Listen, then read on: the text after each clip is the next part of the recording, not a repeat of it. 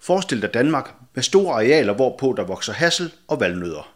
Måske suppleret med plantager med kastanjetræer. Måske lyder det som det rene science fiction, men noget tyder på, at vi faktisk er tættere på videnskab end på fiktion. Og det er det, vi fokuserer på i denne podcast, om vi i Danmark vil kunne få en storskala produktion af nødder. Mit navn er Martin Stoltenberg Hansen, og med mig i studiet i dag er du, Mette Damborg Hansen. Du er specialkonsulent i plantebaserede fødevarer, og du har også en baggrund i ernæring. Og Susie Lyngholm, du er også med. Velkommen til dig. Du er konsulent i produktion her hos Siges Innovation. Og nu har jeg været en tur i supermarkedet og ledet efter nødder og produkter med nødder, og jeg har fundet den her pose med hasselnødder, de der fra Tyrkiet, og jeg har også fundet nogle produkter med forarbejdede nødder, nemlig Nutella. Men det er jo ikke fordi, at detaljkæderne flyder over med produkter af nødder med det. Så hvorfor er det, vi tror på, at vi kan få en storskala produktion af nødder her i Danmark? Jamen det er jo fordi, at nødder som noget nyt er blevet en del af kostanbefalingerne. Øh, nu anbefales det specifikt, at vi skal spise 30 gram nødder om dagen. Det svarer til en lille håndfuld, og derfor forventer vi også, at indtaget vil stige øh, de kommende år. Øh, og vi kender jo alle sammen nogen, der har et hasselnødtræ i haven. De kan sagtens gro her. Så derfor vil vi til at undersøge nu, og er i gang med at undersøge, om øh, vi kan få det op i en kommersiel produktion. Hvorfor er det, at øh, kostrådene går imod, at vi skal spise flere nødder?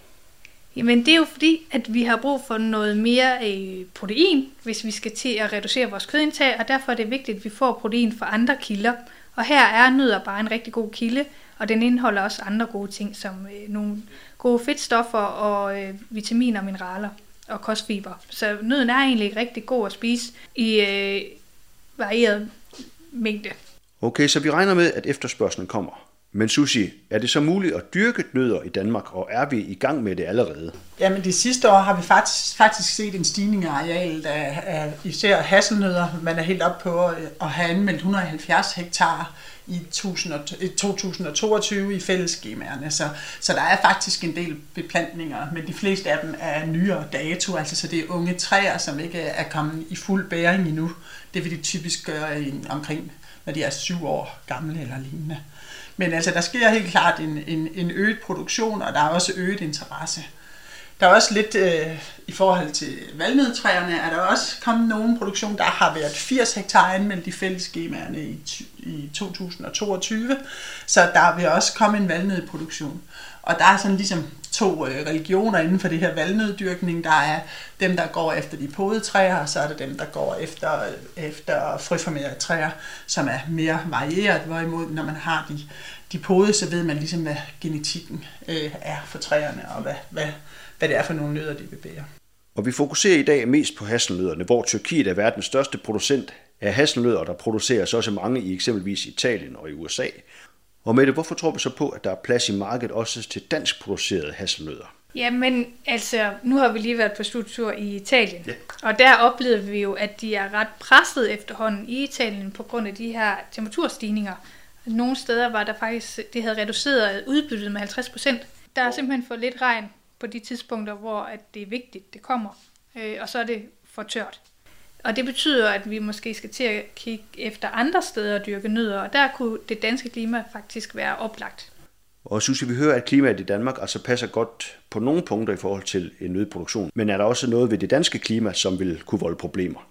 Altså en af udfordringerne i Danmark er jo i blomstringen. Altså hvis man får sen frost om foråret, hvor, hvor hasselnødderne de blomstrer, øh, og det gør det typisk der i januar, februar, marts måned. De der lange rakler, som vi alle sammen kender dem, der ligner sådan nogle haler, det er jo handblomsterne. Og hundblomster er der måske færre, der har set, fordi det er sådan nogle små røde fistlinge, der sidder inde på grenen. Og de skal jo helst blomstre samtidig, og de skal bestøve samtidig. Men hvis det bliver en, et kraftigt øh, frostvejr en enkelt nat, jamen så kan det være nok til at ødelægge bestøvningen. Og det er lidt samme problemstilling, vi ser for, for valnødder faktisk. Men i vores øh, nødprojekt, der er vi jo i gang med at identificere, om der er nogle bestemte sorter af nødder, som er bedre egnet og mere robuste til at kunne øh, modstå frosten end andre. Og med det før vi lige går videre, hvordan kommer vi til at spise de her nødder i fremtiden? Er det hele nødder, vi kommer til at spise? Er det i forarbejdede produkter? Det vi ser i alle vores forbrugerundersøgelser, det er faktisk, at forbrugerne er simpelthen så alsidige. Så der skal både være til dem, der kan lide at gå og snakke nødder hele, og så skal der også være til øh, ingrediensindustrien, som bruger dem i myslibar og morgenmadsprodukter og i kager og øh, gerne også Nutella og øh, diverse produkter. Så det er helt bredt. Er vi allerede i gang med at spise nogle flere nødder med det? Ja, altså øh, vi kan se på vores importdata, at importen stiger. Så det vil jo sige øh, ja til, at, at vi forbruger flere. Jeg ved så ikke, om det er den enkelte forbruger, eller om det er fødevarevirksomhederne, der har et øget forbrug. Men forbruget det stiger, importen stiger. Og Susi, så kigger jeg lige over på dig. Har vi egentlig allerede nogle dyrkere nu i Danmark, som udelukkende lever af at producere nødder? I forhold til øh, nødproduktion i Danmark er der nok ikke nogen, der har stor skala endnu, men der er nogen på vej, kan man sige. Der er nogen, øh, jeg tror, den største, vi har kendskab til med hasselnødder, har 7 hektar og har haft det nogle år. Men det, der er hele udfordringen nok omkring nødproduktion, som det er nu, det er, at vi mangler høstmaskiner og lignende, så det er nogle ret, en ret arbejdskrævende kultur. Jamen kan man ikke bare købe det? Jo, det kan man sikkert godt, men de findes ikke bare lige sådan helt færdige. Så skal man, øh, vi var ude at se, da vi var i Italien, var vi også ude at se på maskineri, og de har jo nogle løsninger øh, at, at bruge til det, men altså der, der er meget, der skal tilpasses øh, den danske produktion, for man lige har det, og det er kostbart. Altså maskinerne er kostbare. I nævner den her jeres studietur til Italien, hvor I i sensommer 22 var i Piemonte for at følge nødproduktion der og Piemonte har ry for at dyrke nogle af de mest velsmagende nødder i verden. Hvad tog I med hjem derfra? Jamen, vi var jo ude ved rigtig mange forskellige øh, nødavler. Vi var så mest i et øh, og derfor var det jo så det, vi så mest af, øh, hvor vi så mange nødavler, der selvfølgelig havde et vist antal hektar med hasselnødtræer, men også noget produktion på selve gården. Og de havde en gårdbutik, hvor de for eksempel solgte øh, nødecreme, og øh, som for eksempel bliver brugt til is, og så havde de også forskellige øh, øh, vakuumpakkede nødder for eksempel, og i forskellige øh, forarbejdningskategorier. Og jeg ved, at med jer på turen var også Lasse Lose fra Institut for Plante- og Miljøvidenskab ved Københavns Universitet, og han har ansvar for noget, der hedder Pometet, og om lidt så hører vi fra Lasse selv og hans arbejde der, men fortæl lige kort, hvad Pometet egentlig er. Over på Pometet, der har de en samling af de fleste frugt og bær, inklusive nødder og valnødder og faktisk også ægte kastanjer, som jo også kommer i den her kategori. Men de har en samling af både udenlandske og danske sorter, og er egentlig et meget imponerende sted at komme på besøg og se det udvalg, øh, der er. Ja, for de har allerede 30 forskellige hasselnødsorter. Ja. ja. Og det er jo en forskningsinstitution, kan man sige, for bevarelse af gener, altså en genbank også, fungerer den også som under Københavns Universitet. Og jeg fik jo faktisk også lov at komme med over til Pometet og se, hvad de arbejder med derovre. Jeg fik også lov at stille Lasse et par spørgsmål, og lad os høre ham fortælle, hvad de konkret arbejder med i forhold til de her nødetræer og buske, de har plantet derovre. Altså for eksempel inden for hasselnødderne, der ligger vi jo på omkring en, et par 30 sorter, og jeg vil sige, at øh, at, at jeg forventer, at i fremtiden får vi en 7-8 øh, nye sorter ind nu her, i forhold til, at vi kigger mere på resistens inden for visse sygdomme øh, og andet. Så, øh, så, så, så der er rigtig meget forædling og forskning inden for, for nødderne, hvor at det kan vise potentiale i forhold til nogle af de her sorter. Jamen, vi kigger på stabilitet i forhold til, øh, øh at man har en, en fast bæring hvert år. Øh, så kigger vi selvfølgelig på det dyrkningstekniske, øh, at det skal helst være træer, som, som kræver så lidt håndtering som muligt, så det ikke er nogen, som er meget beskæringskrævende. Det er typisk en, en udgift. Øhm, så egentlig træer, som har en, en god vækstform, fra, og vi kan påvirke på en, på en god måde. Øhm, og så kigger vi selvfølgelig på sorternes sundhed, øhm, blomstringstidspunkt, øh, høsttidspunkt øhm, og størrelse, så udbytte. Og hvis man bare synes, at nødproduktion lyder rigtig spændende og gerne vil i gang med at prøve det, er det muligt at komme i gang med nogle sorter allerede nu så, eller bør man vente indtil I har fået noget mere viden og give ud fra? Ja, altså jeg vil sige, jeg synes allerede, at der er nogle gode sorter på markedet, øh, men man kan altid blive bedre i forhold til øh, nye sorter. Og man kan sige, at fordelen med nødder, det er, når du først har fået træerne i jorden, så kan man faktisk pude dem om. Så hvis man om 10-15 år finder ud af, at vi skulle hellere have taget en sort, der kommer, så kan man faktisk bruge den stamme og den rod, der står i jorden, og så bare putte træerne op. Der er rigtig stort fokus på klimaaftryk og på biodiversitet i og omkring landbrugsproduktionen.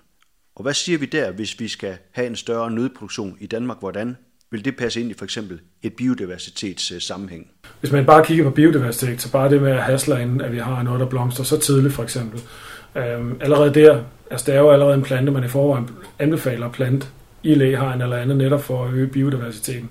Så der er så mange gode ting med den, så bare med det fokus, så er vi allerede et godt stykke vej. Og hvis vi så siger, at vi lykkes med at dyrke nødder her i Danmark, hvordan vil den produktionstype så være i forhold til for eksempel korn? De er ikke så sultne i forhold til gødskning, så de vil ikke kræve de store, de store tilførsler af gødning. Der kan være nogle, øh, nogle skadedyr, som der kan være nødvendige at bekæmpe, kan man sige. Og så er der jo hele arbejdsbyrden omkring beskæring og sådan noget, men det har jo ikke noget med det miljømæssige at gøre. Det man ligesom forventer, det er, at man kommer til at bruge med de det der agroforestry, som det så smukt hedder, altså hvor man ligesom vil blande landbrugsafgrøder og, og træer i, på de samme arealer.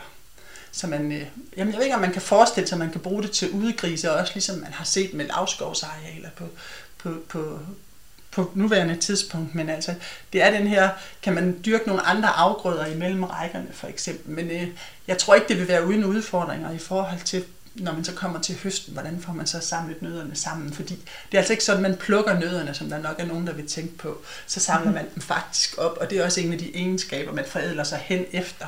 Det er, at nødderne skal kunne falde ud af de skaller, de sætter i, så de er nemme.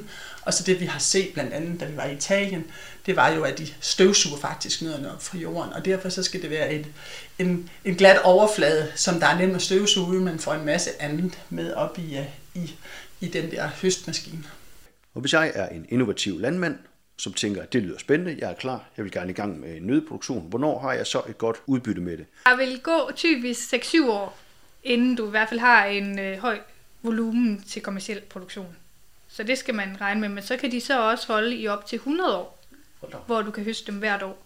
Og jeg vil også sige, at når vi kigger på øh, altså drivhusgasemissioner på produktniveau, så har de faktisk et rigtig lavt emission. Så det er noget med cirka 2 kilo øh, CO2 ekvivalenter per kilo, og så kan man så sammenligne med bælgeplanter, det tror jeg er 3,6, og hvis vi tager rødt kød, som jo er den højeste udleder, så er det 60.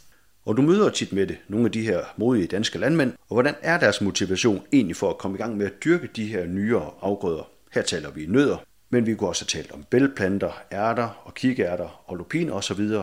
Ja, jamen jeg har jo lige været sammen med dem her øh, for et par uger siden, og de er jo super motiverede. De vil virkelig gerne i gang med at dyrke afgrøder til plantbaserede fødevarer. De kan jo godt se det i fremtiden, og de vil bare rigtig gerne med og i gang.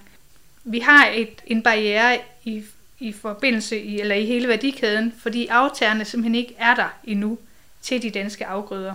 Der er rigtig mange, der ligesom vælger den billigste pris, og det kan man jo også godt forstå, det er jo en virksomhed. Øh, og de, det er billigere at importere de fleste afgrøder fra udlandet. Lad os hoppe lidt tilbage til det med forbrugertrends. Vi ved, at der er mange flere, der spiser overvejende plantebaserede fødevarer. Men der er også nogle forbrugergrupper, som nok er lidt mere konservative og ikke er hoppet med på vognen nu, kan man sige. Hvad skal der til for, at efterspørgselen bliver endnu større? Jamen egentlig, så alle forbrugeranalyserne, der øh, indikerer forbrugerne, at de rigtig gerne vil spise mere plantebaseret. Over halvdelen vil gerne, og især de unge, men øh, smag er simpelthen ikke god nok endnu. Kvaliteten af de her blandede produkter er ikke god nok endnu øhm, til, at man genkøber i særlig høj grad. Så der har vi faktisk et, øh, en øh, problemstilling, som vi skal udvikle på. Hvad med finansiering? Tror I på, at danske landmænd kan få økonomisk hjælp til at starte op med nyere afgrøder? Altså få et ja, hvis man kommer og siger til sin bank, jeg er klar til at dyrke hasselnødder, men I må vente syv år på for det første afdrag på gælden, men så står træerne også i sådan cirka 100 år. Der er forskellige støtteordninger, man kan søge penge til. Altså selve arealerne med nødder for eksempel, de vil jo være, de vil være støtteberettigede ja. til, til, til landbrugsstøtten øh, typisk. Og øh, som det er nu, det ved vi ikke, altså de nye, de nye regler er jo ikke helt på plads i den nye landbrugsreform, men der er der jo også nogle muligheder, hvis man vil dyrke økologisk, for at få tilskud til plantning af de her bær- og frugttillæg. Så, så der er nogle forskellige muligheder. Og i forhold til, så er der miljøteknologiordningerne, mm. som man måske også kunne komme i spil i forhold til maskinel- og høstmaskiner og lignende. Altså så, så jeg tænker, der vil være nogle muligheder mm. for at søge nogle penge. Lige præcis. Også i Italien havde de jo fået nogle EU-midler.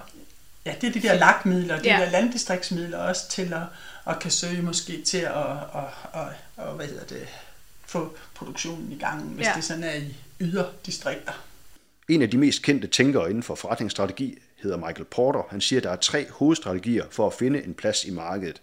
Man kan være den billigste, man kan være den bedste, eller man kan finde en plads i en niche. Og hvis vi får en dansk storskala af nødproduktion, hvilken strategi vil dyrkerne så vælge de vil nok ikke blive de billigste, tænker jeg. Så det skal være enten en nicheproduktion, eller også så skal det simpelthen være kvaliteten, at vi kan gøre noget, slå på smagen, at den er ekstraordinær. Og så selvfølgelig, hvis man så kan sige noget med bæredygtighed og klima ind over samtidig, altså at man skal ikke flyve de her nødder ind, dem har vi faktisk selv produceret i landet, så kunne det da også være øh, et plus. Jamen lige præcis. Og nu for eksempel, hvis vi ser på Ferrero, der laver Nutella, og en masse andre chokoladeprodukter, de har udvalgt tre områder, Øh, et af dem er i Italien, et andet er i Tyrkiet, og et tredje tror jeg er i USA, hvor at der bliver produceret en bestemt sort hvert sted, og det er kun dem, de bruger, fordi de, giver, de har en bestemt smag, som de går efter. Og det er jo det, vi også skal prøve at forfølge i Danmark, om vi på en eller anden måde kan skabe et produkt, der har sådan nogle karakteristika, som, som en stor fødevareproducent vil bruge og ligesom lave licens på. Og det er jo også derfor, at vi i det her projekt har, eller vi har forskyndt os at få det her projekt, fordi vi netop gerne vil hurtigt ud og kunne vælge de bedste sorter, vi kan dyrke i Danmark, sådan at vi ikke bare øh, prøver os frem, men vi faktisk har afprøvet det på forhånd for landmændene, sådan at de, når de dyrker en sort, så ved de, at den er blevet afprøvet, og den fungerer. Og så vil vi også gerne til at kigge på smag, om der er smagsvariationer og andre indholdsstoffer i de her nødder, som gør, at vi skal vælge en sort frem for en anden. Det vil give os en ekstremt stor fordel, tror jeg. Og så lukker vi vores snak om gode danske nødder ned her, og øh, tak fordi I var med, og tak til Lasse Lose også for hans indspark. Og hvis du har lyttet med og er interesseret i at vide mere om nødproduktion i Danmark, er du velkommen til at kontakte mine to kolleger her i studiet. Og det er Mette Damborg på meha eller Susie Lyngholm på sil og her hos Sikkes Innovation er vi løbende med i projekter om nødproduktion i Danmark og mulighederne inden for det. Podcasten her den er lavet i projektet Etablering af lokal nødproduktion og er støttet af Promilleafgiftsfonden. Og husk, at du kan lytte til alle podcast fra Sikkes Innovation. Det kan du på hjemmesiden podcast.sikkes.dk. Er du mest interesseret i markdrift, så kan du søge på din mark lige nu i den podcast-app, du normalt lytter fra, og dermed trykke følg eller abonner, så vil du altid få den nyeste Mark-podcast ind i dit feed. Så vil jeg sige tak, fordi du lytter til podcast fra Sikkes Innovation. Altid ny viden på vejen.